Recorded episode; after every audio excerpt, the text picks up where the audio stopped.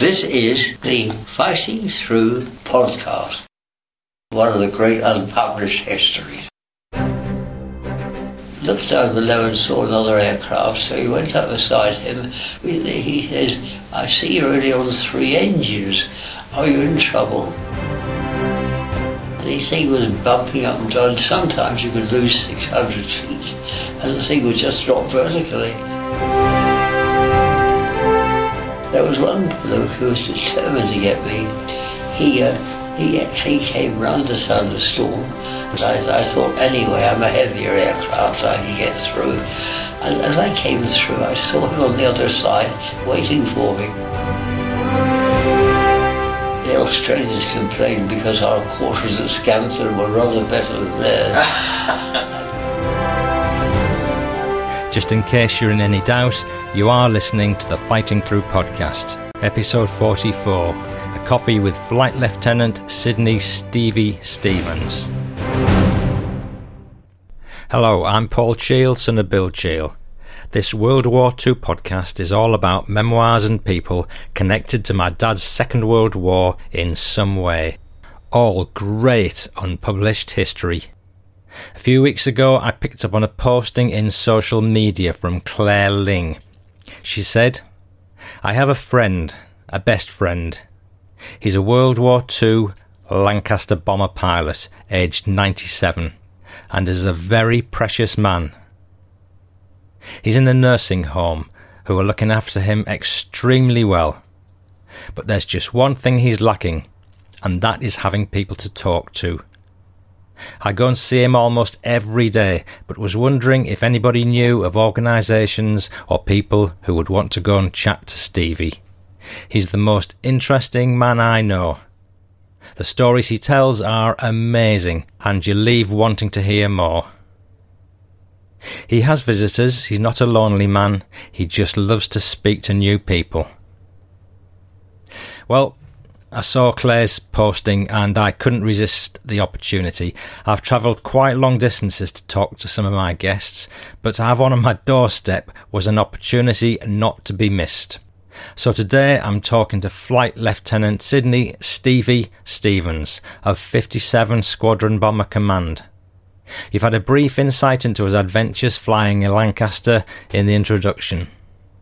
Now, Stevie had a mini stroke down his right side not so long ago, but he's recovering well and he's certainly good enough to want to speak to me. So we'll be hearing about bombing ops over Germany, how Stevie turned the tables on an attacking fighter pilot, and a fascinating insight into the activities of the famed 617 Squadron, the Dambusters, who were based at the same airfield as Stevie. Just a bit of feedback to share with you. Um, thank you to Thomas Edwards uh, for sending well wishes. Thomas says, I listened to your D Day 75 podcast yesterday as I drove to work. I always attempt to hear any programme concerning Overlord every June the 6th. The raw power and emotion from listening to the testimony of those that were there is a true treasure. I'm grateful for all Allied troops who went forward on that longest of days. And Thomas Edwards is from North Carolina, USA. Esther Parnham wrote in, My daughter Alison directed me to your podcast, including your interview with Wilf Shaw. My dad, Bill Willie Wright, was a signaller in the Green Howards and landed on Gold Beach on D Day. One of the photographs shows Wilf with his comrades at Marston House. My dad, Bill Wright, is shown in the photograph, seated on the front row right hand side. Wilf also mentions a couple of amusing anecdotes about my dad, Ginger Wright. My daughter and I are amazed at how much Wilf could remember and how well he related it when you interviewed him. I'm sorry we were unable to meet Wilf before he died in 2018. Our generation owes so much to those that served and fought for their country, and especially the many who were in their formative years. Thank you for recording all that you do. Kind regards, Esther Parnham, daughter of Bill Willie Ginger Wright from Barnsley in England. Esther, thank you so much for getting in touch. It's so very good to join up another dot in Dad's wider story. And of course, your dad was the Ginger Wright who got several mentions in Wilf and Fred Zilkin's episodes. One in particular I recall when he mischievously hit a sergeant on the head with a shovel. Rachel Witham from the UK has been in touch. I think my granddad Walter Dakin served with your father, i.e., my dad. I'm blown away that I found your father's book whilst researching my granddad's own D Day journey. Like many, he never really talked about it. All I know is he marched on to Hamburg, was shot in the leg, and what happened when his best friend was killed. I've ordered the book with great interest. I want to thank you and your father so much for the opportunity to never let the Green Howards' heroic role in World War II be forgotten in my family, and share the book through generations. Kindest regards, Rachel Witham.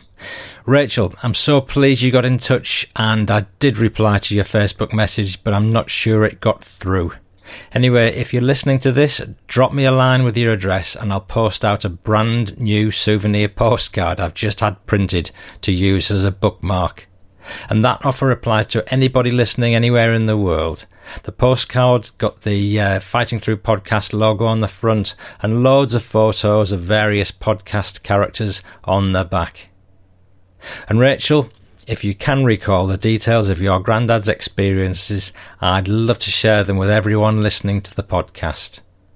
Frenchman Sebastien Cheveron has been in touch. Hello, Sebastien. Hello, Paul. I'm a new listener of your podcast and I appreciate it very much. I'm from Dunkirk. And my grandfather was serving on an anti aircraft battery in the French army during the war. He arrived in Dunkirk in June 1940, but couldn't get across the channel.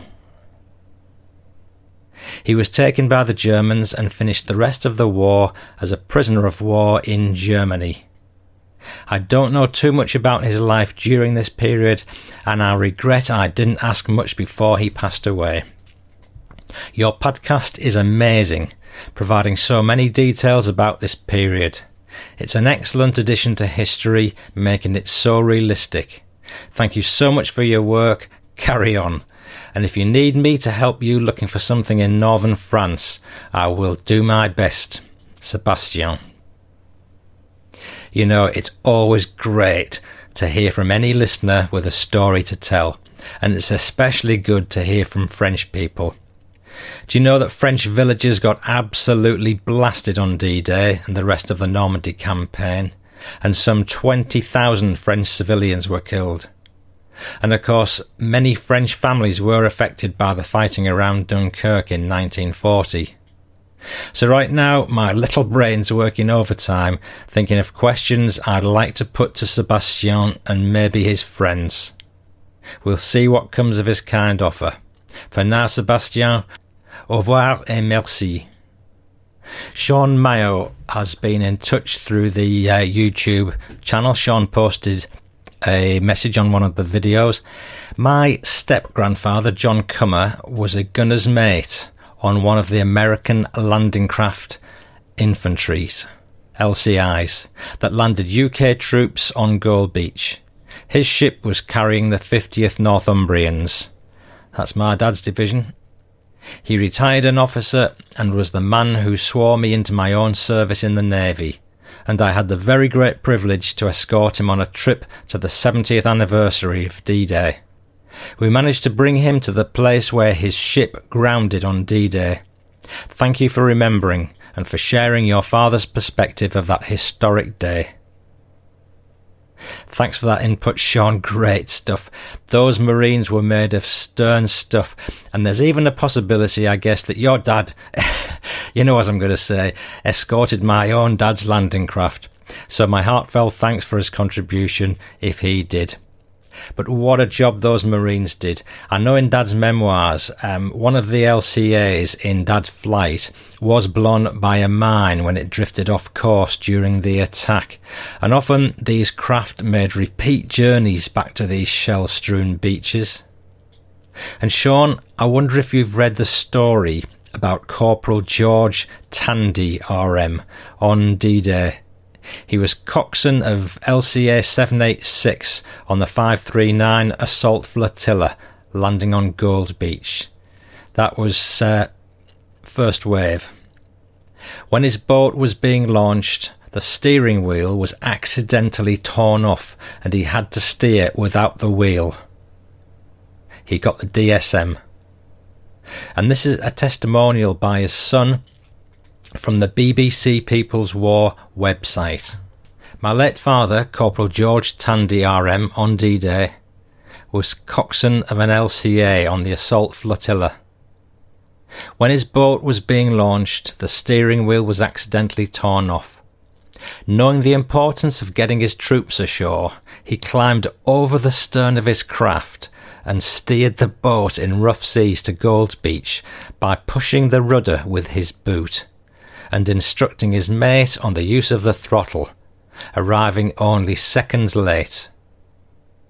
When he returned for more troops, he was ordered back on board SS Empire Halberd to warm up. He told me that he was so cold that the tepid water they put him in felt scalding.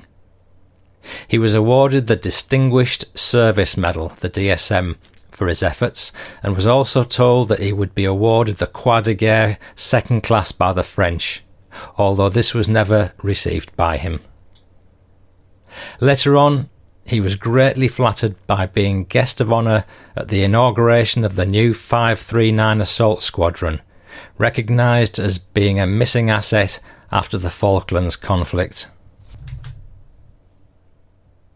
When Dad passed away after a long, grueling illness. He was cremated locally, but we were requested to take his ashes to Stonehouse Barracks in Plymouth. We were taken out on a modern day LCA, then transferred onto a landing craft tank, where the Royal Marine Padre said a few words over Dad's ashes, and we then put Dad back to the place where he always said he should be at the end of his days. There's a link in the show notes to Royal Marine Tandy's story. Just a bit of war stuff now. There's a new war podcast out from the Commonwealth War Graves Commission called The Legacy of Liberation, as historian Glyn Prysor and heritage expert Lucy Kellett explore the Commonwealth war graves of the Second World War, reflecting on the events and people behind various gravestones. That's going to be interesting to anyone who wants an overview of the Normandy campaign, Monte Cassino, the famed Great Escape, and more. So that's The Legacy of Liberation. There's a link in the show notes. Over to Sydney Stevens now, usually known as Stevie. So today I'm talking to Flight Lieutenant Sydney Stevie Stevens of 57 Squadron Bomber Command.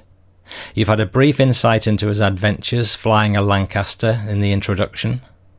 Stevie had a mini stroke down his right side not long ago, but he's recovering well and certainly he's good enough to want to speak to me. So you'll be hearing about bombing ops over Germany, tackling German fighters, and some observations on the Dambusters team. And was it one of Stevie's bombs which pulverised the area my dad was serving as a police officer in post war Germany?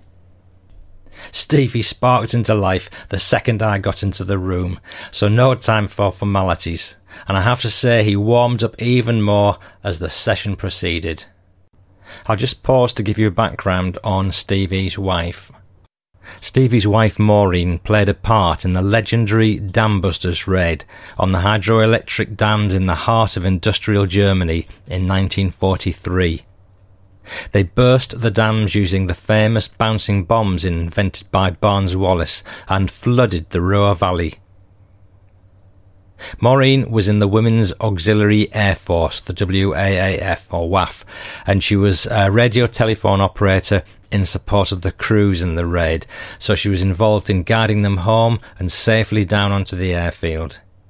She also guided Stevie back from a bombing mission over Germany to RAF Scampton in Lincolnshire. That's when he first heard her voice and fell in love with her. They got married in 1943. That last, that last year of the war particularly was particularly vicious because we were, we were bombing Berlin and uh, well, we would take a good, it's a six, about 600 mile trip, something like that, from the coast. And uh, then when you got there, and you got the, the best defences that they could produce for, for their own, obviously, safety. For their own safety. Yes. And it, it was like a carpet of flak underneath. It looked absolutely solid, and you would you would have thought you would have thought you could have walked on it. Yeah. And it went on like that for days. They must have expelled God knows how much ammunition. How far below you would that have been? Sorry? How far? Well, what what height would you have been flying at that point? Well, we would, it would have been about uh, 20,000 feet or something like that. But uh, you could have done on some of the lighter flak, but of course the heavier stuff was whistling up round. yeah.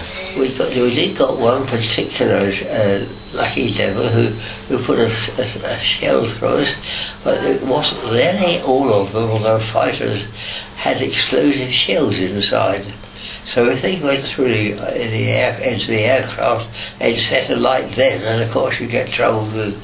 And, and then you've got this uh, hamburger, and of course hamburger was their huge port and uh, import, and we put some heavy raids on that. First of all, to get hold of the people down there.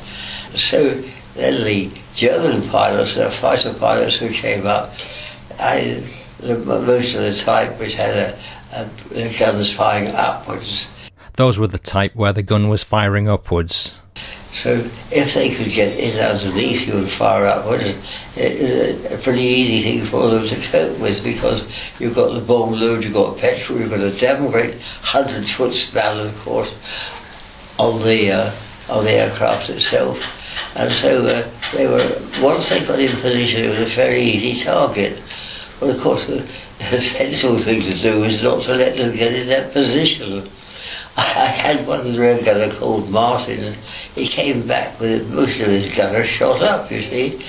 So somebody said, well, that's a very good uh, So he goes to the FC. My gunner's response to that, he said to me, Steve, that bloody bloke goes out and presents it. He his gunner shot up, and he said, he gets a very medal for that.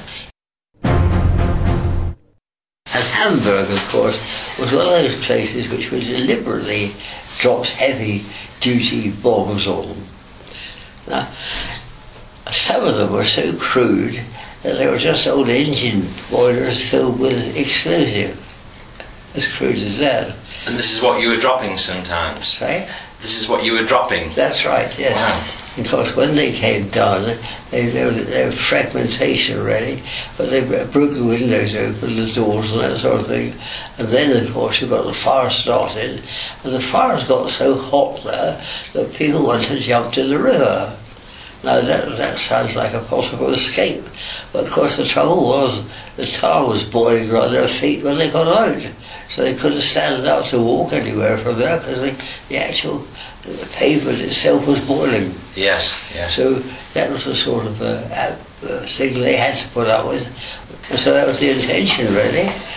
And uh, it, the, the, casualties were quite survivors uh, for uh, 30 trips. We didn't do 30, we did 29 because that was a more difficult target. And uh, I think we got something like 4.5% of survivors on some raids. They were, We got 4.5% survivors on some raids. So you did 29 missions. yes. What did you do after the 29? Well, then I, I went on the, um, the course for instructors. Right. at a place called Lulsgate Bottom. L- Lulsgate.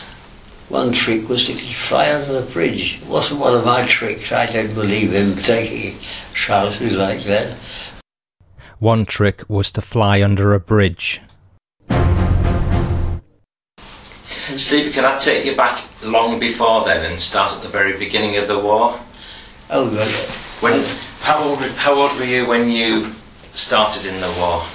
Well, it's rather interesting because lots of school people were very much better informa- uh, informed than we are now. And uh, f- f- I just started working in local government by, then uh, on, the, on the housing side. And uh, I don't think that's terribly glamorous, but we used to go into what they called working class hereditaments. And they uh, were all just around the Crystal Palace and Croydon and places like that. And we went into houses, measured them up according to some plan, and then issued them a certificate saying how many people were allowed to live there. Right. I don't know how effective they were because I don't think any, anybody gave a damn about it. the war started, oh, and, and uh, so, but it was the you, you can't believe just how bad the housing issues was then for lots of ordinary people there. Yes. They used to have pile these uh, old Victorian buildings with flats ready. And then there'd be perhaps two or three floors, and on one floor you did, uh, or on three really, you did the cooking. And uh, Where were you? So just before the war, when you were working on the the housing work, uh, where was this? it was Croydon. That was Croydon. 1936 the Housing Act was. Thirty six. And uh, I was I was, was made the representative for the uh, Housing Act, and, uh, and I was offered as a job. And of course, there were two and a quarter million people unemployed in those days, so you were lucky to get a job at all. So I applied and got it. And uh, so that's when the date was, around, it would have been about 37, something like that. Right. And uh, it was, just one of those dabs that they had about housing, you know, just to satisfy the public you're doing something. You produce some paper and blind them with it and then to know more about it. Yeah. But some of the conditions were so appalling, I, I mentioned this before, that lots of the beds were, had them um, sort of tins under the, uh, perhaps bean tins or uh, old bean tins or so had been washed out, and they had they were half filled with paraffin. Wow. And the bed legs stood in there to prevent the bugs crawling up and getting in the bed. Gosh. I, it, it's something we've never seen before or since then, but and the smell was absolutely revolting. You couldn't believe people wasn't living it really, but they did, and they, they were there, and that's the beginning of their uh, one of the housing thrashes they had, most of which were unsuccessful, but. Uh, they, they were dreadful conditions to live in, no doubt about that. I can imagine if some of those houses got bombed out during the war, the Several Germans were doing us a several of them. favour. Several of them did actually. Yeah. And lots of those uh, old Victorian houses had been built so in rows of cottages and things like that, quite small things really. And uh, I lived in one myself actually. Just got a minute. But, So how, how old would you have been at the beginning of the war? I was I, I was born in 1921. 21. Right. I asked Stevie what he did at the outset of the war. Of course, this was the uh, period of the Blitz in London, where people were being bombed left, right, and centre by German bombers. ARP people, so called, air raid Air precautions. raid, yeah. We did, I, I worked at a report centre with a, we had about four or five report centres in Croydon and so when bombs dropped and the wardens were walking about collecting the details they had to send it somewhere and, they, the details went to the report centres they collected all these reports and they were, they were mainly phoned through. The post office did some wonderful work there. If later on you'd witnessed how hard those people worked to keep the fighter command circuits going, you would have been astonished that Englishmen could work so hard for 24 hours a day, often have an hour's sleep and come back and try again Yeah. before they got the communications broken down. But they really did work and work and work. It's funny, but the war was the war wasn't just fought by the forces, was it? The war was fought by the civilians, but Yes. in different ways. I mean, the civilians were dreadfully on on most sides because one having got to had, have our own houses bombed, and mine was one of them. So you you were on duty, and, and a call came through. That's right. And they were telling you So I had your stay on duty. Although we were only volunteers, we weren't paid for this. Um, we had to stay until somebody came to relieve us. And it was just dawn the following morning when I, I was relieved. And of course, we, I suppose we got used to it in a way, but there was broken windows, broken sewers, broken gas, electricity, any, everything you can imagine got smashed up, and, and all the windows of houses, and um, it really was a, a disgusting sight, really. So the Germans had achieved what they wanted, I suppose, Yeah. and uh, they certainly did cause an awful lot of damage and uh, all sorts of small injuries that you never think about. When glass is shattered, the damn stuff goes everywhere. And there was one girl I I was going back to, or going back to home that morning, and she was lying on the side. I thought, I, I wonder if I can help her. And, and she had uh, one piece of glass, uh, I suppose, not terribly big, which had gone through her leg, and and It's about four inches. up to the other side. And uh, being a good little Boy Scout as I had been, I, I, I pulled the glass out, and then of course it looked like arterial bleeding starting. Out, out comes bright red blood, which you can see in the morning, even when it was like that, and it comes out. Pump, pump. Oh my God! I've but it made it worse than ever. Yeah. And I had, and I had nothing that I could think of a tourniquet except her other leg. And this poor, poor girl was lying on the ground, not exactly silent in the process either, and pulled her sock down, stocking down, not not the nylons we have today, but silk, silk things Yeah. done by a suspender belt and all sorts of stuff like that. had to undo that and then wind it round the, her, her leg and then find something to tighten the tourniquet a bit. And uh, I couldn't find, I, f- I forgot what I picked up, a bit, a bit of tree or something. There's a Found tree. it in and, and wound it up because they stopped bleeding. But it's all very messy. By that time my, my uh, ARP thing looked like a butcher's apron on a busy day. By that time, my ARP thing looked like a butcher's apron on a busy day. Yeah. And the, the ambulance came and picked the girl up and that was it. So did she survive? Hmm? To your knowledge, she I, I don't know, I didn't know anything about her after that. Right, I, I, she was just an injury that got passed on. And uh, another horrifying thing, as I was going to work that night, night, thinking the woman next door said to me, Steve, I've just made a lovely pot of tea, would you like to come in? So I, I said, yes, of course I would. So had this nice hot cup of tea and off I went. And when I came back, my house and the one next to it were pretty wrecked.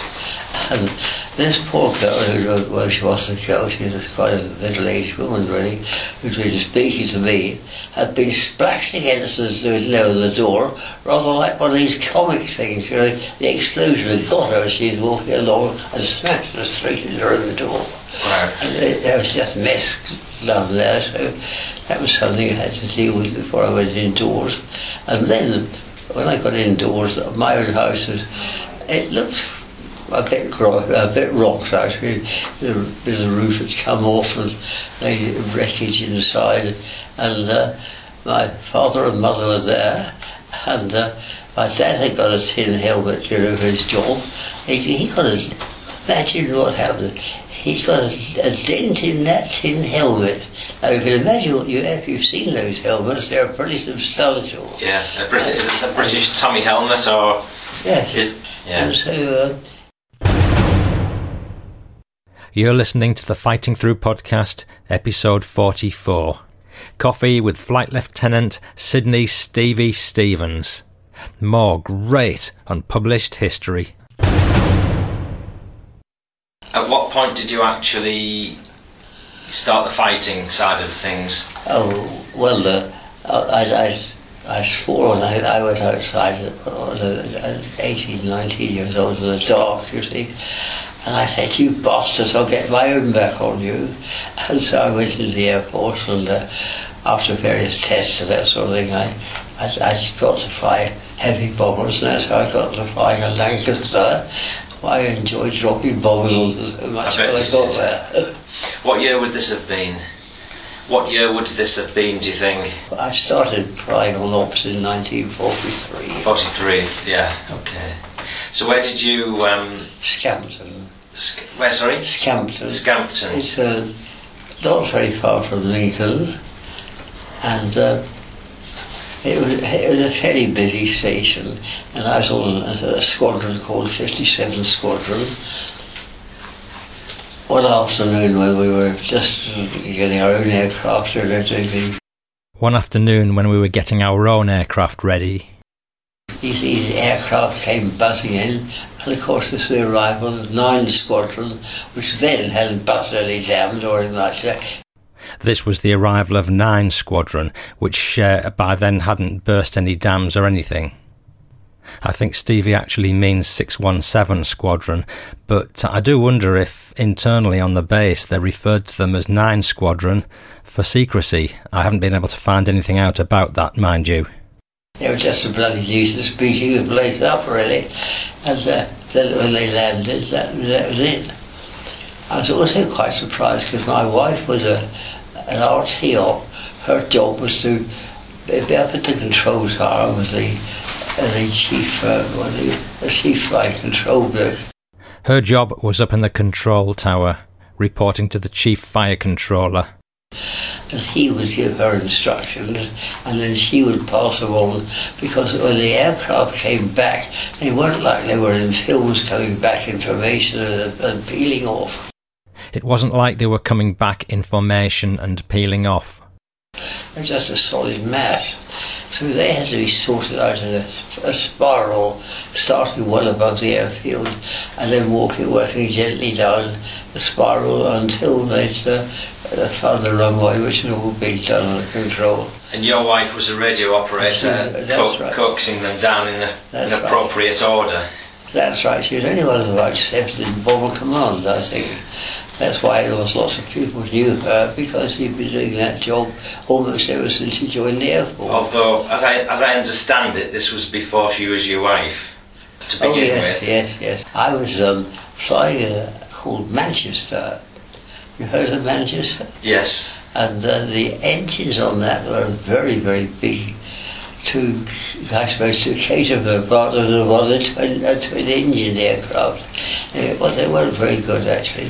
Of course, the disadvantage with that, if you've got a big engine or two big engines dragging around the per- perimeter track, then you either have to go like hell, which is very dangerous, likely to finish up in, uh, in a pile of wreckage anyway. Which is pretty dangerous, and you're likely to end up in a pile of wreckage anyway. But when you're trying to keep it under control, you've got to use brakes all the time. The brakes then got red hot. So either you had used a bit of common sense and stopped and waited for them to cool down, or you started with that far down below. They weren't very good at all from that point of view. And uh, there, there was one station called Wigsley, awful repulsive place. And that was when I heard her voice before I came and landed there, because I needed some fuel really. And uh, when I went up to flying control, I saw there's an unusual pile of people there, couldn't get in in fact. And uh, uh, the, the, most of them were f- uh, sort of uh, fluttering around her like a, a, a bees after a pot of honey. Right. so I, I did hear her voice, but never actually saw much of her. I had no chance to make any date, and so off I went again, and uh, left that voice of that female voice in my mind. It must have been some months later, in 1943, when I was in the middle of uh, the Battle of the Ruhr. I landed, and I thought, that's funny, I know that voice. And of course, she was on the 57th Squadron, but she wasn't attached to the squadron. She was in the in flying control. So this time I went in and saw what she looked like, and she was indeed a smasher. And I, I thought, right, well, let's, let's, let's see what you can do about this. And so we, I did meet her. and We met several times, but. Uh, we came to an agreement. We said, well, if you're alive at the end of this year, we may trot on with this, but if we're not, we shall have to abandon it, which is obvious, really. So that's what we did. And then I had to be alive, so I was uh, kept alive, and so she was also with me. So I got married at the end of 1943, and as you can see, we married, I think it's 70, 74 years Yes, ago. yes. So that was it. That was the romance side of the thing. Wow. So, when you finished your tour of duty, Yes.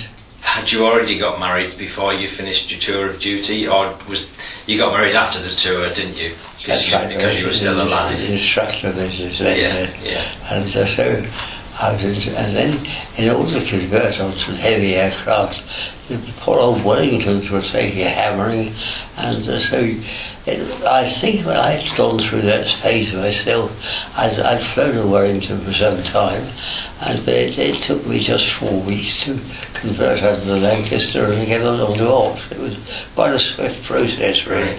Didn't have time to sort of sit around and think about it. When when you first started as a pilot, where did you go for your training?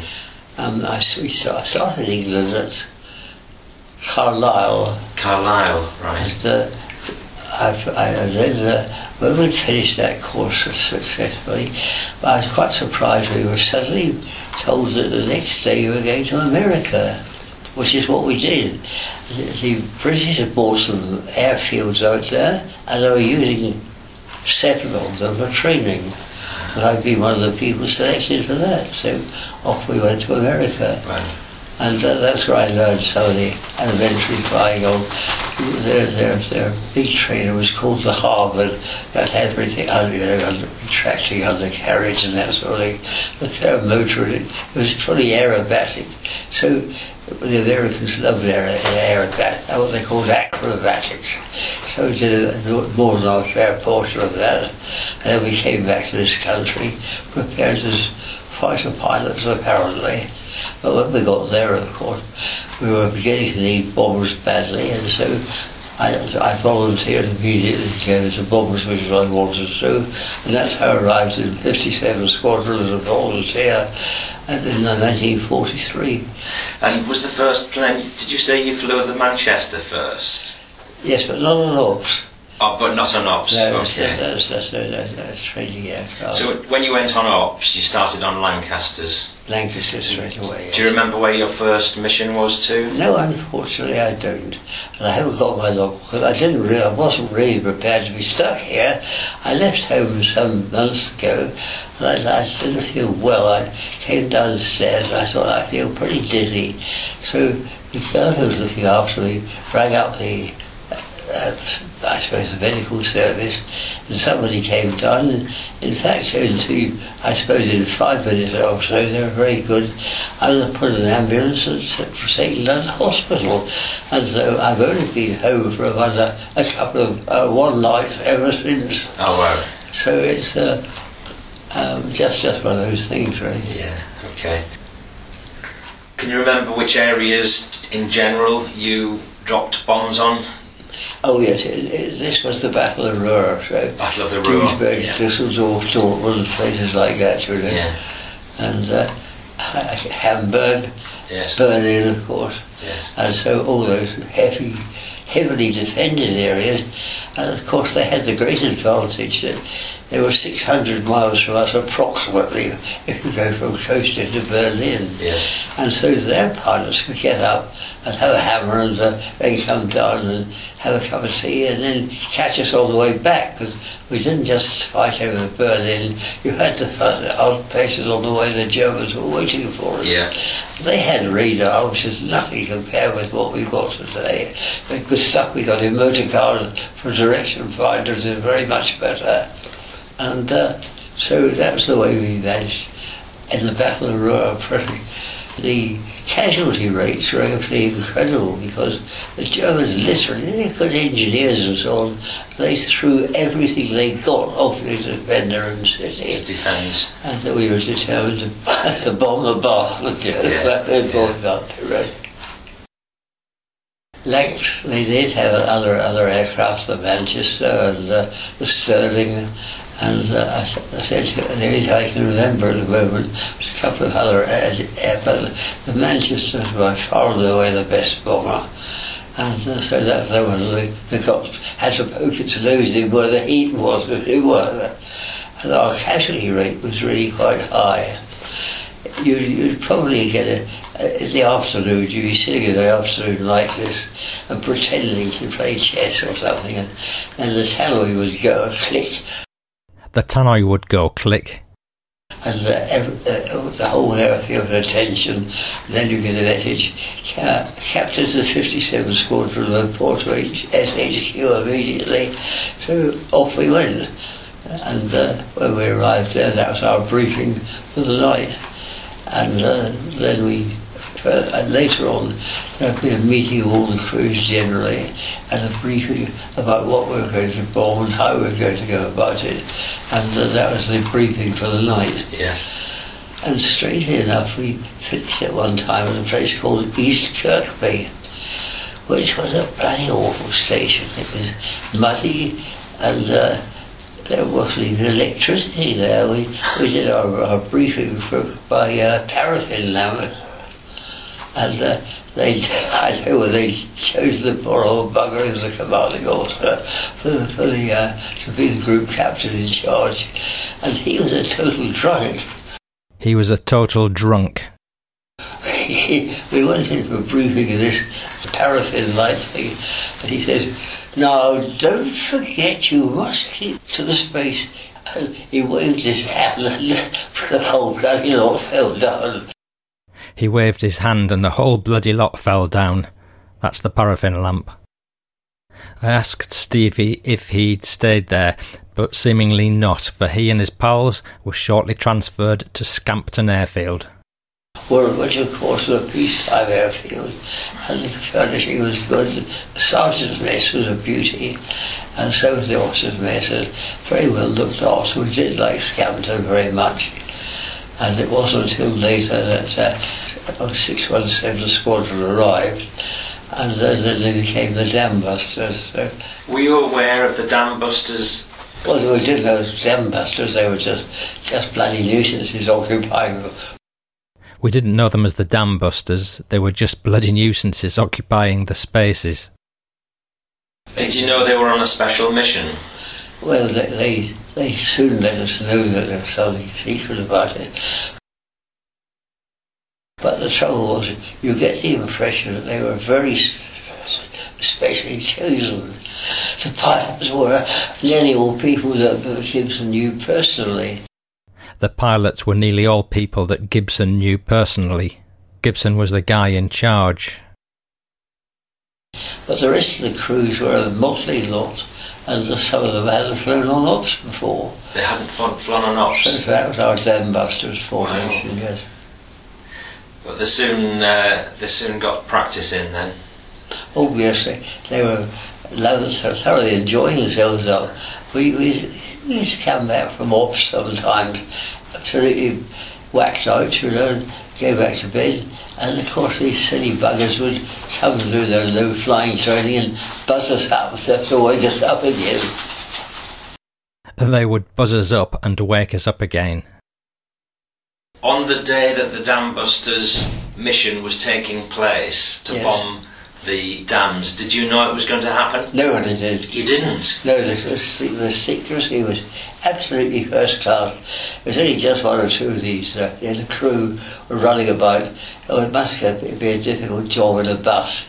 And uh, they were promptly pulled up and shut inside the the airfield. And uh, what was the name of the chap? They, they had they appointed an officer, a chap called Evans to be the security officer. And it was incredible. They, they closed down the phone lines and every method of communication just before that. And they seemed to work pretty well. Yeah. But you see, some of those some of those people who went on the dams raid, they weren't veterans. It was their first one, their first fights. They made some of them. Yeah. So that was it, really. What? How did you feel when you heard about what they'd achieved? Sorry. Well, my wife was in flight control. My wife was in flight control.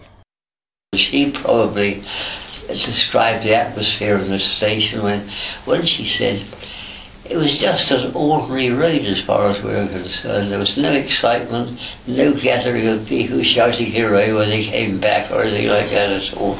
She went on duty and uh, she was there to land some of them when they, when they uh, came back. She was there to land some of them when they got back. And that was all there was to it. And from the station point of view, it was quiet. And then later on, the, the uh, we went up to station headquarters, the pilots, and saw all the, these beautiful models they'd made. They were good of the dams, and that was all really. A week later, the king came, and uh, various high-ranking people came down. A week later, the king came, and various high-ranking people came down. So I went off to my week commander and said to him, well, my, my leave starts now, so I need to go through all this lot, sir. And he said, no, don't bother. He said, you've earned your leave. He says, the best thing to go is to go get bloody drunk, he said, because it may, may be your last one. So Yeah. that was the briefing of my going on leave. So that was my briefing for going on leave. Oh, Hopcroft, his name was. And uh, it was just about like that, really. How often did you get leave? It was something like uh, nine days every six weeks.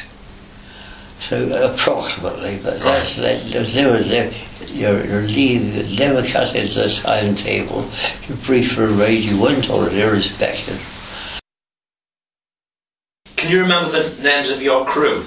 Did you have the same crew throughout the period? Yes, it is. uh, going to have to work through their positions, I think. Um, they, they had a navigator whose name was Howes, E.G. Howes, H-O-W-E-S. Yeah.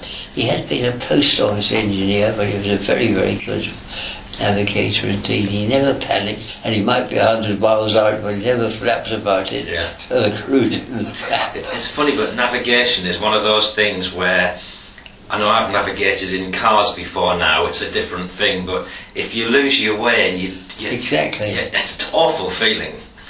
Well, So- it is, well, that's exactly. I mean, if you don't know where you are, you, you can't go and ask anybody. You just.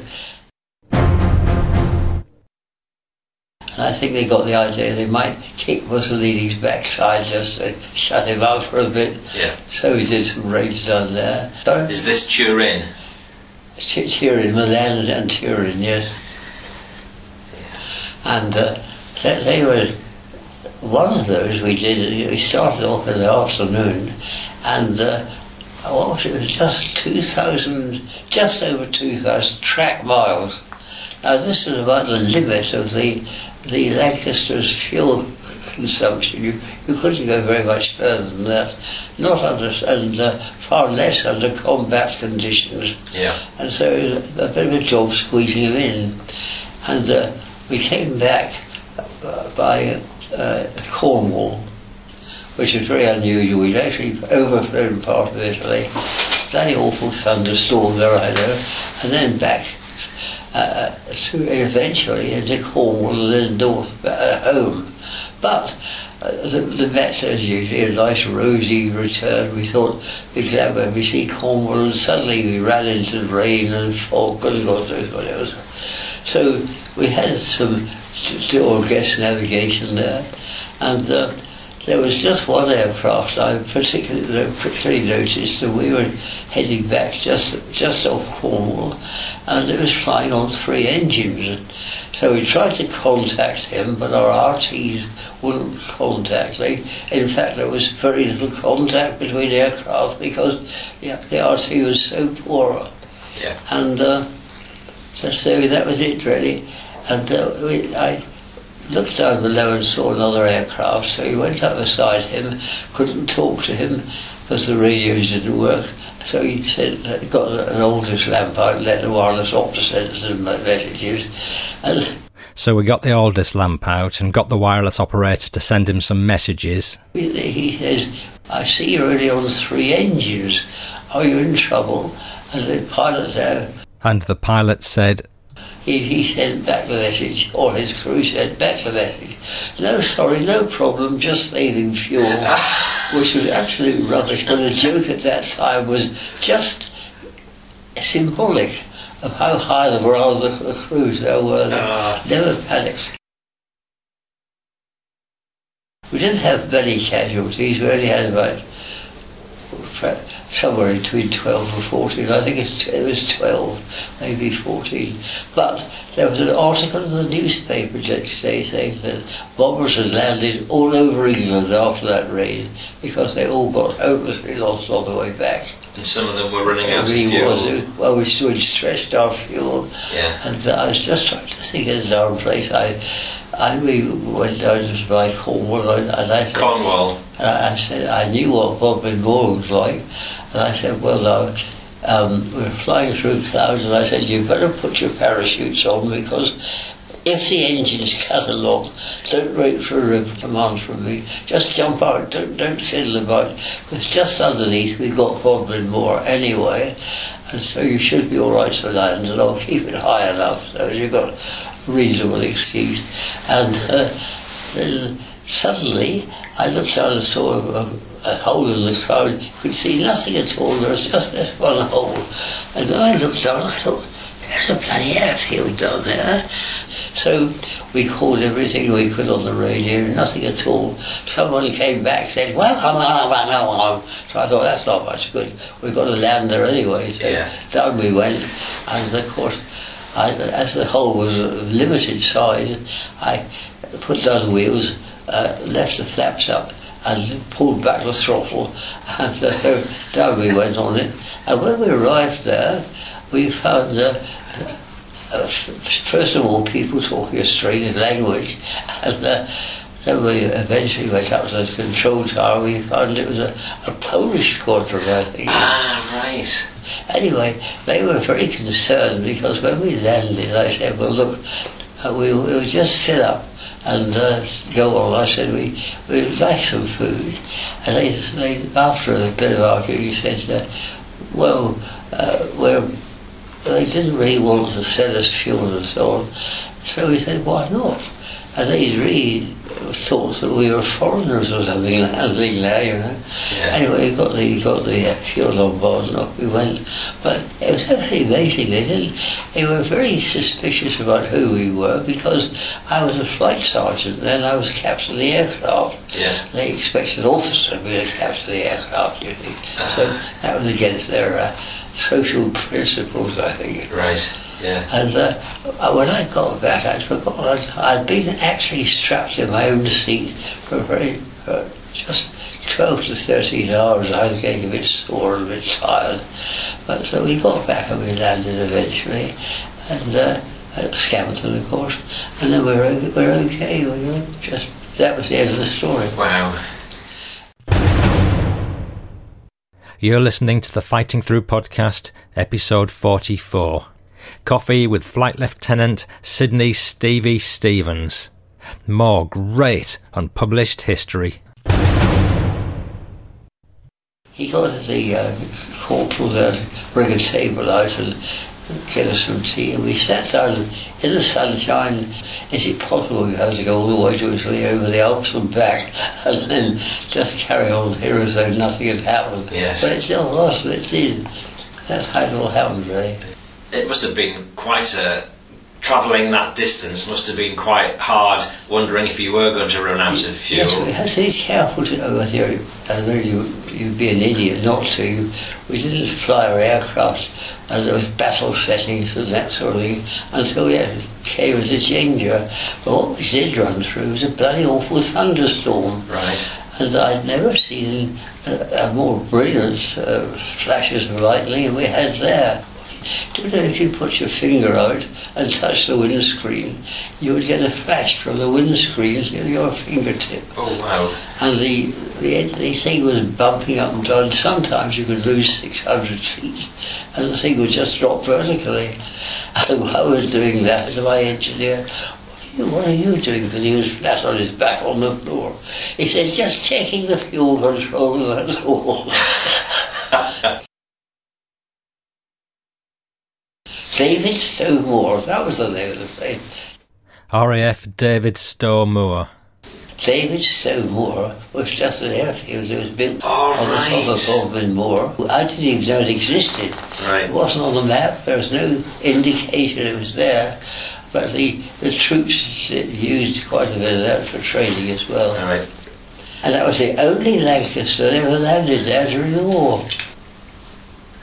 The engineer, a chap called uh, Blanchard, he, he got a DFC as well.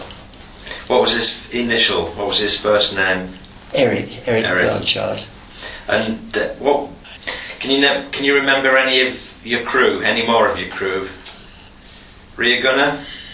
Yes, I, I, Martin, John, J, uh, John George Lee Martin, J G L Martin. Right. He was a, he came from French Africa. I think he, he spoke French. I suppose he, I picked him up because whereas when we were growing up at Scampton, he came along and said to me, I would like to fly with you, Skipper. So I said, Are you sure you can cope all right? He said, Oh, I've done it. Yes, I can, I can cope with that. He was very good, actually. And he'd been in French West Africa, and so he knew exactly what was going on out there as well. A nice chap. Great trouble. He only had two interests in life. First of all, the aircraft engines. He was almost married to them. he was, he was uh, not the engines, but the actual, uh, the armoury there, you know, the, the guns, they always got his blessing. Yes. He always, and at lunchtime, um, if he was nothing else to do, he'd bugger off the flight and fire a few hundred rounds to make sure his guns were properly synchronized. He'd fire off a few hundred rounds to make sure his guns were properly synchronised. He was a very nice chap, actually. He had a fatal. He had fatal attraction towards women. I think he must have put half the half the countryside there in the family way. He must have put half the countryside there in the family way. Really. I was not quite like This that. is a man for the That's- ladies. That's an exaggeration. Yeah. that was George, John George Louis Martin. Then, um, when we'd been back for a while, At Scampton, they, they actually uh, formed another squadron called 630. And uh, so we got two squadrons there, 57 and 630. And uh, then 630 just joined us on the operational squadron. And they still do, they still celebrate, oh, they celebrate together, but it wasn't a very long lasting squadron, so its history was necessarily short. Yeah. It wasn't a very long lasting squadron, so its history was necessarily short. At this point, Stevie stopped to explain about an injury he'd sustained during the war, which had damaged his jaw and had affected his speech for the rest of his life. That was due to having a effect in the life with a rejected, uh, rejected bullet case that came across and one caught me across the face, so buggered all my teeth for the rest of my life. Really. And I had of it, yeah. What what what caused this? Sorry. What what happened? Well, we were practicing machine gun fire and against the wall. We were blasting bits over the wall actually. And uh, one of the aircraft, uh, one of the guns had not properly been restored for firing. And there's a, a, a let's try to explain. The bullet goes up the the the, uh, the spout, hot, hotly pursued by the propelling gases. You see, that's the description of firing. Okay. Up goes the bullet being chased by the gases. That was the unofficial way of describing it. But then having discharged, there's other more gas left, and the gas was used to expel the bullet case.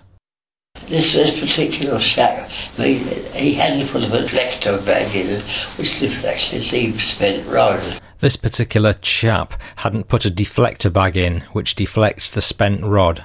So this thing whizzed across and caught me in the mouth, so I had rather defective teeth there. So this thing whizzed across and caught me on the mouth. So I had rather defective teeth for the rest of my life. Ever since the war. Oh yes, yeah. But at least you survived the war. The consolation is it might have knocked your teeth silly, but that's, at least you survived. I of my teeth, that's right. And uh, teeth had to get smashed and uh, it was just before I was going to go to Canada, uh, to uh, America to train, and um, the dentist said to me, he said, well, I can't do anything here, he said, because, very much, because you'll, you'll, miss the, you'll miss the boat, literally, you may not go. Yeah. So I, rather than do that, I said, right, well, go and some dope, which he did, he did dope me up, and my, my feet, I try, try again, my teeth were like uh, bits of wood and for about, uh, I suppose, six weeks. Really? Yes, and when I got down to, to uh, America and uh, right down to California, we uh, were flying one afternoon and a, a Frenchman, who, uh, not a Frenchman, a Scotsman said to me, Stevie, what's wrong with your face? He says, all blown up. And I, t- I touched one of my teeth and then he died with shock. It was terribly painful. So I went, he, I went down and landed to my I went down to London. The chap down there said, well, Steve, it's no good. He said, I can't cope with that. He said, you'll have to go to uh, the airfield at Los Angeles or somewhere. Yeah. And he said, take you some time to get there. He said, but I think that's the only thing I can do. And so he said, but I shall have to do something because the thing is swelling so much, it's, uh, it's, it's likely to break uh, before you get to the hospital as a person. There's more dental trouble there. It's, yeah. it's really doing a lot of damage. He says, now what I can do for you is to actually pull them out. He said, but I, or some of them, but I have to do that without an anaesthetic because there's no anaesthetic you can put in to get through that swelling. Ooh. I thought, oh crikey, we're for it now. But he, he says, hold on to the chair and he, he pulled some teeth out. And he said, and uh, I tell you what, he says, to make up for this, I've got a new English invention called Perspex. Perspex. I had a couple of teeth made from Perspex. Oh gosh. But they've been in trouble ever since, actually. Because at, at that time, our actual uh, casualties were very high. You sit down with perhaps, uh, if we had a big night, 15 or so pilots, and uh, we just get a private briefing, and uh, we sort of mulled on just what the chances are, and made our tactics. You see, lots of lots of lighting was done on airfields just to worry the Germans. We we used to have, for example, little beacons of light, and uh, then they would change positions every so often, so that if you arrived at a beacon you knew its position, you knew that you were somewhere near the airfield, so you put on the reciprocal and off you got back. So they were called beacons. Right. And so the German night fighters arrived there, they all went out very smartly, believe me. Did you say they used to move them around occasionally? they did, yes, yes. There But were didn't a that few conf- beacons. That's Didn't right, that, yeah. didn't that confuse you? That was that was that was, that was to confuse the Germans, Confuse the Germans? and uh, we got we got um, we used to have colours of the day too. We used to have colours of the day too. When you came back across the, the uh, coast or wherever you were near the airfield, you you had to fire very pistols of a particular colour at a particular time. And then you know you were a friend and not foe. Ah, right. They'd know you were a friend and not a foe. If your plane had been captured by Germans, say, or if you were a, if they'd built a, a Lancaster and pretended That's to be right. British, Yes, but of course we didn't write that stuff down. You had to carry that in your head. that was all in your head. Yeah. Gosh. So, um, also, uh, then, uh, of course, there's the Rolls Royce engines, but we found them very, very good indeed. Yeah. And uh, got no complaints against them. I was always pleased when I saw a, a Rolls Royce engine rather than any of the, of the others because I think they were the most reliable and probably the best ones. Yeah. They, they did take an awful lot of pounding sometimes. And um, well, later on, coming back to the sort of Berlin area, the battles going on up down there, they really were very, very responsive indeed. So, and their, their fuel consumption wasn't exceptional. You didn't expect an amount of miles to a gallon or something like that Yeah. and uh, that wasn't bad because we, under fighting conditions, you had it often to do things you hadn't thought about. I remember one night having a thunderstorm over Berlin. Lüneburg Heath on the north side of Berlin was the treaty was eventually signed. Yeah. Peace, peace and treaty, that's right. Lüneburg Heath on the side of Berlin was where the surrender treaty was eventually signed. We ran this thunderstorm there, and it really was quite quite uh, hazardous getting back. But uh, however, it was just as bad for the enemy fighters. There was one bloke who was determined to get me. He uh, he actually came round the thunderstorm, uh, which I didn't want to do. And I, I thought anyway, I'm a heavier aircraft, I can get through. And as I came through, I saw him on the other side, in effect, waiting for me. So uh, I went down underneath and played him at his own game. We, we I went down underneath and played him at his own game. I got underneath this thing, and when our sights were right, shot him down, which was very fortunate. But it was not rather like you, they could, you couldn't get heated up about these things. You had to work out just where the bloke might be or what he might be doing. Yeah. And uh, so it wasn't time for whoopee bayonet sticks and go like hell. You had to stop and think about it. Was this uh, a fighter that you shot down? Yes. Who would have got that, do you think? You mid upper gunner? I forgot what, which one it was, but uh, Yeah. one of the Americans anyway. Um, Can you remember the name of your mid upper gunner? Mid upper gunner? oh, oh the, uh, yes, I was just trying to think of this.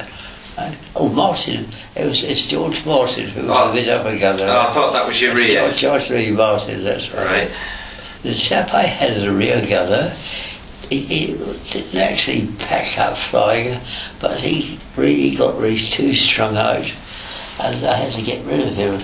And the last gunner I had was a little boy called Smith, and um, he was oh, barely 18, I think, and he was ki- I was killed with another pilot just before his 19th birthday, which was terrible, really. He you was- what's it. happened to him?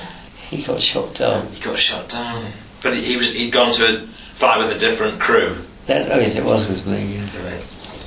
His father wrote a rather. He said he enjoyed so much flying with you, and he was scared when he had to change it to another captain.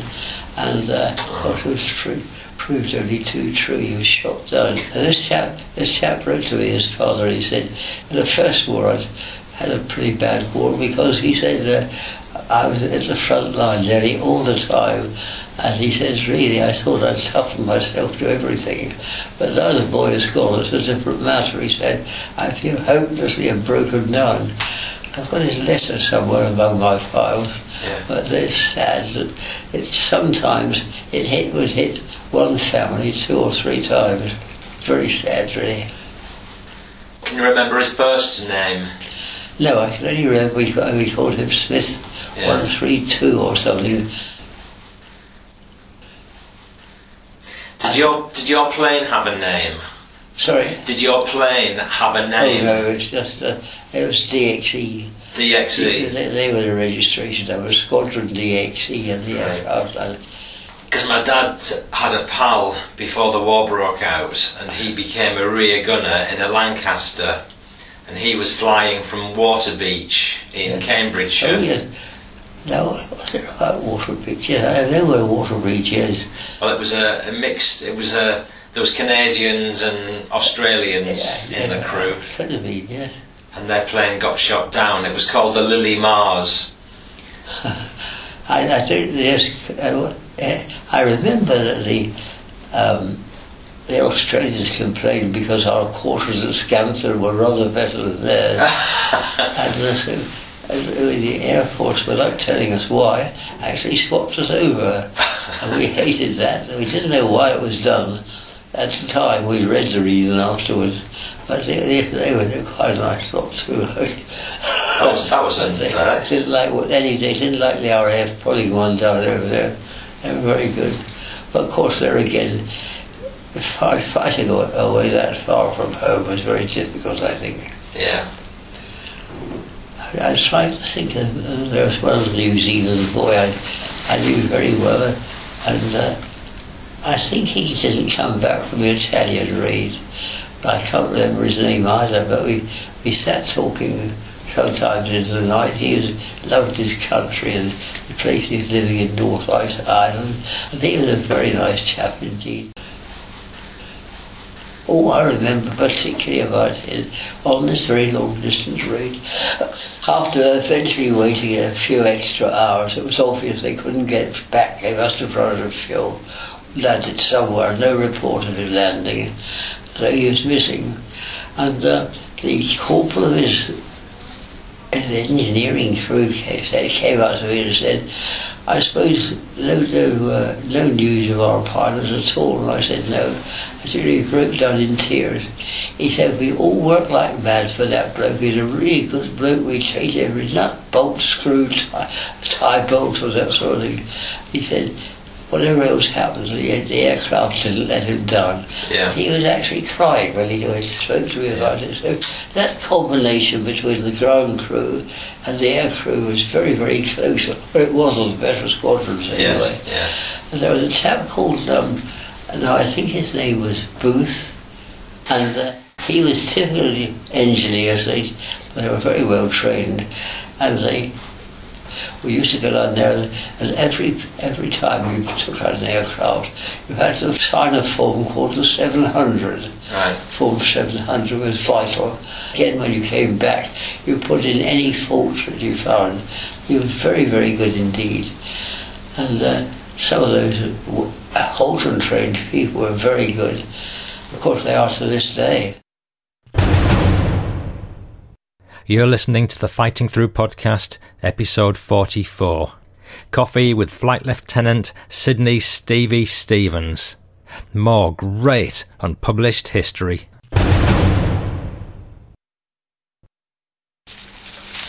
It was, uh, in many ways, it was quite exciting as a pilot, and you survived the time, of course. Yeah. You had to survive to enjoy it afterwards.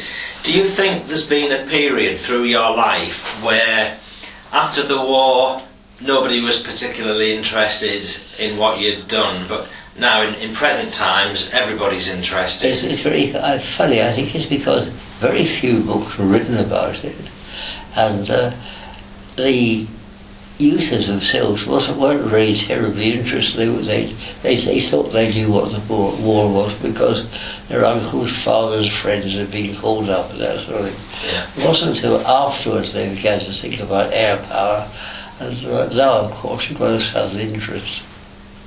Yes. What can you think of any? Um, you mentioned that example earlier where you were being stalked by a, an enemy fighter. Are there any other scary moments you can remember on a mission? Everything. It's there's no good getting yourself scared because if you get scared, you become tense. And if you become tense, you can't maneuver the aircraft to the position you'd exact really want. Yeah. And of course, a like it's a big aircraft to, to, to sort of, uh, well, I go to say, to move around the sky. It's not as agile as any of the fighters, and so you've got uh, all the time to out- outmaneuver them somehow or other. Yes, that's right. And there's very hard work. there was one occasion when I was avoiding a fighter, and the only way I could not get shot down by him because I, and you don't want to turn your tail to them because if you do, they they've got it just they'll come underneath and shoot you. So I had to somehow uh, when this bloke looked as though he might go underneath, Once this bloke looked like he might go underneath, I dived straight for him. And I thought, well, he, I expect he's manoeuvring enough to get out of the way. And he was obviously scared to death. He, he, he, he sort of side, he sideslipped on his aircraft away. And just the same moment, I was doing something similar underneath him, which was a safe place to be, really. And, uh, so, uh, but, but eventually, when I was trying to get out of this rather long and uh, steep descent. I couldn't pull my bloody aircraft out, and I had to get the engineer to come and help me on the stick just to get it up a bit. Pull it up. Yeah. Wow. So we, we did strain those aircraft quite a lot in battle. I don't like to interrupt again, but I just had to add. Can you imagine what that fighter pilot thought when he saw 30 odd tons of Lancaster bearing down on top of him, guns blazing? Oh my word. Did you ever take fire from another plane, from an enemy plane? No, Did you ever take flak? En- enemy anti-aircraft fire. oh, we got we got fair. When you when you went through this heavy flak, the um, how can I describe it? It was rather like very heavy rain falling on the fuselage. I used to get little holes punctured all over the place. But, but fortunately for me, I didn't need any, any of the really explosive bullets inside. Yeah. So there are lots and lots of uh, holes in the fabric. Um, and what, what interesting, when you, if you look the next day and the sun rose, you could see little rays of sunlight Yeah. coming through. It was, it just like a pattern coming through. So yes, it was they were there all right, but they had something, something vital. Yeah. Wow.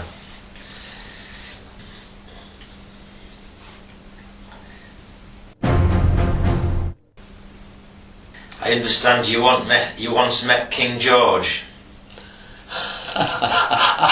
DFC?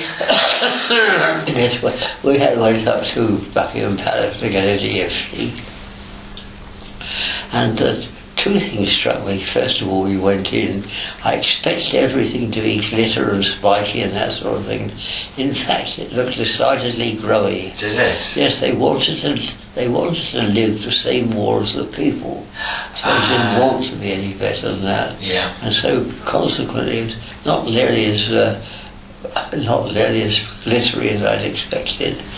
And uh, it was really fascinating because when the king came to give me a medal, his, his advisor, who was all topped up with gold braid and medals and white hat, His advisor was all topped up with gold braid and medals and white hat.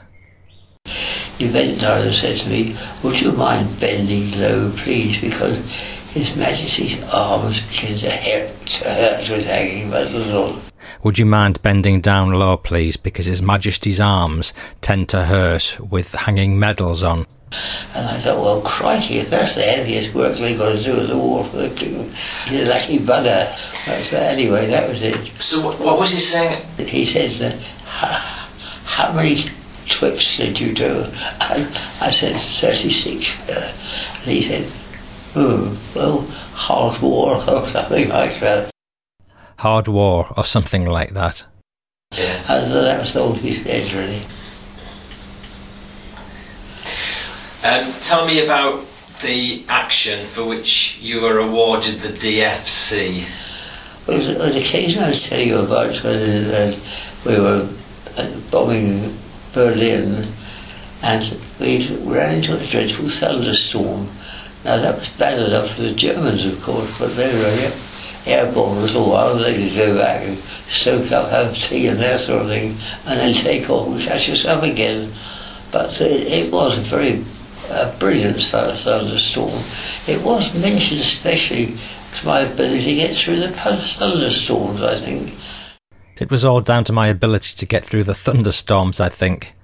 Something like that, you uh-huh. mentioned about flying through thunderstorms. It wasn't abnormal to fly through thunderstorms, but just to get through thunderstorms to get to the target was a bit brief.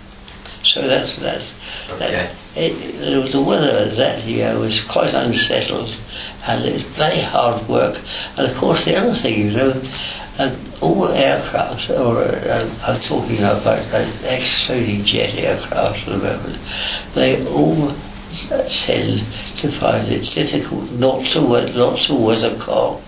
By weathercock, I mean supposing you've got a wind coming from the the right hand side, the right the starboard side, all, all aircraft will turn to turn into the wind. Yes. And uh, so you, you need to use a lot of rudder and a lot of engine to keep them straight. And uh, so that was quite hard work with some of them.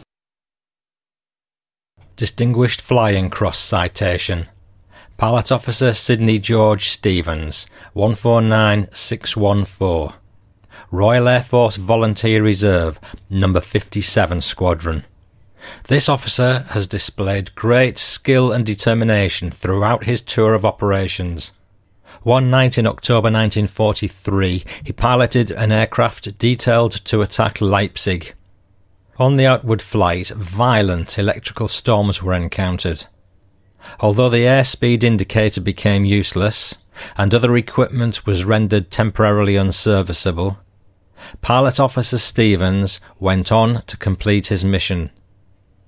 His persistence in the face of trying circumstances was most praiseworthy. Um, and there was one occasion I, I remember the first occasion I went to pick up a new Lanc. A new Lanc is, of course, a new Lancaster. And it landed just outside the flight office where I was, and the flight commander said, just go take Gatwick up and take it across the engineer flight. So, so I got in the aircraft. I only started the two inner engines. And then when I'd moved about 300 yards, I thought, I can't hold this thing without mashing the brake. And uh, I, the brakes wouldn't stand that. So I, I actually stopped it. And uh, this is another thing about uh, this chap Booth, you see. He, he was awfully watching all this going on from his tent, and he sent another aircraft out and, uh, to pick up these spare people I've got there, and uh, then he organised a, a, small tractor just in case we needed it. But once I'd cast the rest of the crew, I managed to taxi, taxi him back under his own power. It was just cynical. He used to watch everything going on from his little office. When anything needed, he'd always have a spare to send out and do something. Quite a, quite a useful bloke he was. Yeah. Did you end up as a flight lieutenant? Yeah, I did, but that's... Uh, that was just an ordinary, um, I suppose, ordinary promotion, really. Right. There was one period, that I don't, I don't think it was. We then started getting Japanese prisoners of war and, or coming from the Mediterranean and that sort of thing. And um, then that, that, that, we never bothered about them too much. But of course, several of our own people have been captured. And I, I don't know the, the name Surabaya means anything to you, but probably not to the Dutch East Indies.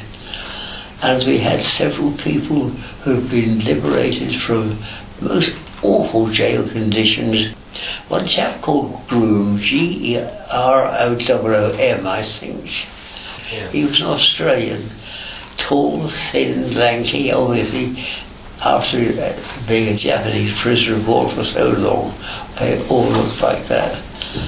And um, so, for some unknown reason, the group commander sent for me and said, Stevens, he said, we're having a new temporary uh, organisation to try to just run these people to get them used to flying again if they are able capable of doing it. And he said, um, So we go get this. We got a little hut out there in the fields at Abingdon, Yes. and uh, he, said, he said we should call that uh, unit master pilot. So I said, this thing's big hump UMP outside my door. said, well, he said, it, it should be a squadron leader's post, but well, because our, the, uh, the Treasury won't agree to that now. He said they're trying to cut back on expenses, so I'm afraid you'll have to remain a flight lieutenant. So that's why I became a flight, lieutenant. Okay. And that was fascinating because I'll, I'll just give you one example. Well, this chap Gruber, he was an Australian, uh, very well made, still, in spite of all his bony structure and so on. And he had been captured with a whole load of other people, and the Dutch East Indies. And they were marched into a prison, and when when they when they arrived at the gates, the place was closed, and the gates were open. They still went in until they couldn't cram another bloke in, and then they started putting more people, and people couldn't sort of even stand together with their hands up. They, they were so crowded. Wow. And uh, one of the RAF blokes there complained about the training they say Japanese. And so back comes the this little Japanese major and he said, well, hold on, we'll deal with that. And they just sent troops in and murdered, murdered a, a portion of the people in there, just, stabbed them in cold blood. They started off from outer end and worked in woods, and people were terrified. Yes. But it's no good being terrified because the Japanese are going to kill them anyway. Yes. It's incredible, isn't it? Wow. And then they, they, they had the uh, people who were left at the fringe to drag all the bodies out. Yeah. It really was incredible. Some were taken prisoner and inside the uh, prisoner of war camp, and they were pretty badly chosen. But others, there were some of them, they just almost chucked over the wall of the prison, and they had to look after the bodies that were chucked out or, or uh, not look after them, the case may be. They got devoured anyway. And uh, it was a, a dreadful war for them. And this chap, he, he, he'd been one of the people thrown outside, you see, the, to do the burials. He was saying that one afternoon, he said, my name was called, and I thought, right, that's it. That's ceremonial killing for me. And he, so, so he thought, he said, I smartened myself as well as I could, went into the camp, and to my astonishment, the CO there came up, me one of Japanese, he uh, bowed, and he said, um, well, welcome, Commander, you are now in charge of the prison. Oh It's gosh. the first time he knew that the war was anything like over. And uh, so this bloke then he went from being one of the lowest characters there to the prison governor. And he, said, uh, well, he told me some of the things out there. This had been what you called the Dutch East Indies. And um, we were trying to free the people out there. And we sent over a brigade of English people, brigadier, and uh, he and then suddenly, to their great astonishment, they found the Dutch prisoners began revolting and was objecting to them coming in. And he could, he, most people couldn't understand this, but apparently the Dutch were dreadfully bad governors when they were when they had the islands, and uh, the, the, the, under those circumstances, the Dutch people wanted these people back again. The Dutch people actually mounted a counter-attack against the British troops and they were winning. And this uh, chap called Broom, he went out and he spoke to them because he knew the language having been in a, classed her into jail. He said, you can't kill these people. These are my friends. They said they may have been your friends, but the are no friends of ours. We're not going to let them us at any price. And he said some of the people, he says they even nailed them to the doors. He said they caught them, they, they nailed the Dutch people to the doors. It was absolutely terrifying. Gosh. So he negotiated with the various Japanese people out there, and uh, because the British troops, troop, uh, oh, the, the British uh, brigadier got overrun, and uh, but he was responsible for saving a, a good brigade of, troops out there. Yeah. And he got a DSO for that. One of the few people who got a DSO for right at the end of the war for being a prisoner of war. Wow. You know, Dad, um, I'll just give you a brief history of Dad because it doesn't really play that much into your war, but just so you're aware, he he was at Dunkirk. Yes. This is my dad. He, he joined up at 22 in 1939 Yes. and he fought the whole war. And uh, he was at Dunkirk. And then he went out to North Africa, so he fought in North Africa. Then in Sicily, he was involved in the invasion of Sicily. Then he came back to England, and then he was uh, he landed in the first wave on Gold Beach on D-Day, Yeah. and then he ended up in Germany because he was wounded during the Normandy campaign. And I did those. Um, and uh, when he was when he was better, he he went back out to rejoin the war, and he thought he was rejoining his regiment, which was the Green Howards, but he ended up in another regiment called the East Lancs, yes. and uh, he was in the regimental police. And during his time in Germany, he was policing places like Hamburg, Dusseldorf, Duisburg, a lot of the places you bombed. Yes, he, in that time, that's right. Duisburg, Dusseldorf, and places like that. I remember bombing those, yes. Do you? Mm. Do you remember bombing Essen? Oh, my gosh, I really, yes. That was, Essen was the main target we were after, actually. Because that was the Krupps. was, exactly. Ah, Krupps. Well, there's a, there's They were, they were incredibly heavily defended. yeah. And every time we went, there was a, always a lot of casualties. Gosh. But, uh, of course, their, their guns were very good as well. But the Tiger tanks uh, was the only one that could be stopped by one of Krupp's. What do they call that gun now? The 88 millimeter, Something like that. the Ger- German gun. That's right, Yeah. yes. Well, Dad was a, stood. Dad went for a tour all around that area Yeah. while he was a policeman, Yes. and he reco- in his memoir he records one instance where he was standing at, Essen, and he said it was flattened, Yes. thanks to you. And uh, he was standing outside a destroyed building, and all, all he could see of it Yes. was a, a sign, and it said Krupp's Steelworks.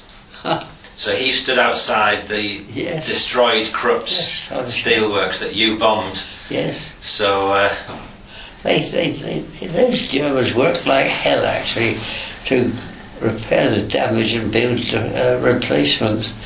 And they did make a, make a remarkable recovery on the Ruhr swords, didn't they? Better than we did by a long way. a- after the war, you mean? Yes. Yeah, yeah.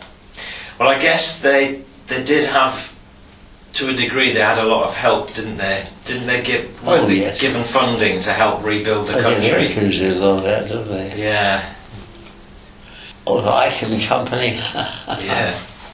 It was all down to Ike and Company. Ike Eisenhower.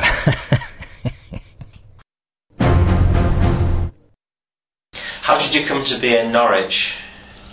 Well, because my wife was had, uh, was, uh, had nowhere to go when I came out, so we, we lived with my wife in Norwich. I see. Yeah. Uh, he was an ex-marine sergeant major, this is Stevie's father-in-law. and he had spent most of his years on anti-slavery stuff down the African coast. Gosh. coast.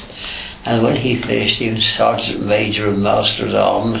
You can imagine what an important marine that is. Yes. He was quite an old boy, and even when he was, I suppose, about my age, because I'm getting on a bit now, he still waxed his moustache and went out, you know. during Did the- he? Yes. Nice old chap. When you say he was involved in anti-slavery, was Yes. this eradicating slavery, or was it campaigning? No, he was not campaign. He was he was with the uh, Marines, uh, flying out, going over, down, enter, in, uh, actually intercepting slave ships. That's, that's what they were doing. So he was acti- actively stopping it then. Wow. That's right. Oh yes, and he always took, said- told, told me one story. He said, you know, our uh, captains of the ship were, kings of their own right, so they could do what they damn well like. And what message they sent back to Admiralty, of course, was little not what necessarily happened. Yes. as long as they won. And he said, on one occasion they were going by Zanzibar, and he said the, Sultan of Zanzibar, or whatever it was at the time, was quite rude to the, the uh, captain of the Marines. So he went back to the ship and he said, right, we'll sink that bugger. And they sank the whole ship. He said, that was just not unlikely. Gosh. so what did they do to him? He would be rude to an English captain. That's Right. the last time he'll do that. Bang, bang, bang. So they, they shot uh, they shot the Sultan's ship up. Oh, that's right, yeah. Excellent. you said no radio, no, no more, no uh, transmitting that information back to England, Yes. no cameras of the sort we have now, you see. it, Yeah, yeah. So there were no records of what they did. Yeah. So they could, they could almost write anything back to the Admiralty. And that was accepted as being true, when often it wasn't. Gosh. But if they if they achieved their aims, then Mm, yes. in those sorts of days, that's all that matters, really. That's right. That's what they did. But, Yeah. incredible. Of course, I suppose the British Navy was a very strong. Uh, oh yes, he was still on the, uh, in the British when they were using sailing boats. So it was as good as that, you see. Yeah. His, he had this wonderful picture of himself, oh, didn't paint, you know, his big moustache and all that sort of thing. Yeah. But, but I don't think his pension was very much, I mean, about ten pounds a quarter or something like that. Oh, wow. I mean, but he, he quite enjoyed his service life. I know the first time I went to the house, hung my jacket up, I caught him looking behind the buttons to make sure they were clean. Was he? Gosh. Sizing you up. exactly what he was doing. Prospective son-in-law material. That's right. Yeah. Gosh. Were they clean? Were they were the buttons clean? I just don't know. well, they obviously were because he, he allowed you to marry his daughter. Oh yes, that's right. Yeah. that's right. Yes, so they were. Yes. Yeah. Stevie, what a lovely old chap you are, and thank you so much for not only picking up the baton to serve your country so well, but also making time to speak to me. And thanks to Claire Ling of Norwich for putting word out about Stevie. Claire, you and Stevie between you definitely get this month's How Good Is That award. and thanks to those other people who kindly offered their time to pop and see him. I spoke to Claire recently and uh, he's had plenty of visitors. But if there's anybody listening who fancies a coffee with Stevie, then please get in touch. Next episode. I recently paid a visit to Normandy with my dad's old regiment, the Green Howards, now part of the Yorkshire Regiment, and I want to share the experience with a commentary of some of the places we visited. I'm going to be putting some videos onto my YouTube channel and photographs in the show notes. And I've got some great music to share with you. Regular listeners will know I've been on the search for some marching music to use in the show occasionally, and I think I've found it right under my nose. and now I can't get it out of my head. Also bubbling under is an episode on war poetry featuring a poignant poem from a young German soldier to his sweetheart. Also something from a modern day poet who styles himself Yorkshire prose. So if you want to learn more about the meaning of out, nowt, and going down pub, you must listen in because there really is some great material. And I'm slowly preparing an episode on the 1982 Falklands War. So if anyone has any stories or tributes on that, please do get in touch. And hello to Mandy on that one if you're listening. You've been listening to the Fighting Through podcast, episode 44. Flight Lieutenant Stevie Stevens. Great unpublished history. Thank you for your support and thank you so much for making the time to listen to me. Please do hear me next time. P.S. Stevie carried on flying for the RAF after the war and took part in the Berlin airlift in 1948 as Soviet dictator Joseph Stalin tried to cut off the German city. He also trained as a teacher and taught maths at schools across Norwich, including the Norman, Avenue, and Earlham schools. Sadly, Maureen passed away in 2017. They'd been married for 70 years and had a son, Adrian. PPS, and it's a P in more ways than one. This is one final story from Stevie. We're a different aircraft called the Manchester, of which you've heard, have you? The Manchester, yes. It's, it's a sort of twin Lancaster. The Manchester was a sort of twin engined Lancaster. The, the first bloke I met who's actually flown one, part of myself, said to me, he said, Do you know, The first bloke I'd met who'd actually flown one, after me, said to me, he said, well, I went over France and bloody things didn't get any further than that, I got shot down. And he said, oh, I got shot down. He said, I was busting for a pee. He said, I sat down in a, in a, a lake in the middle of Germany somewhere, had the best pee I've had for years. He said, I sat down in Germany somewhere, in a lake, and that's the best pee I've had for years. I'm Stevie Stevens, and I'm saying bye bye now. And I'm Paul Cheall, and I'm saying bye bye now as well.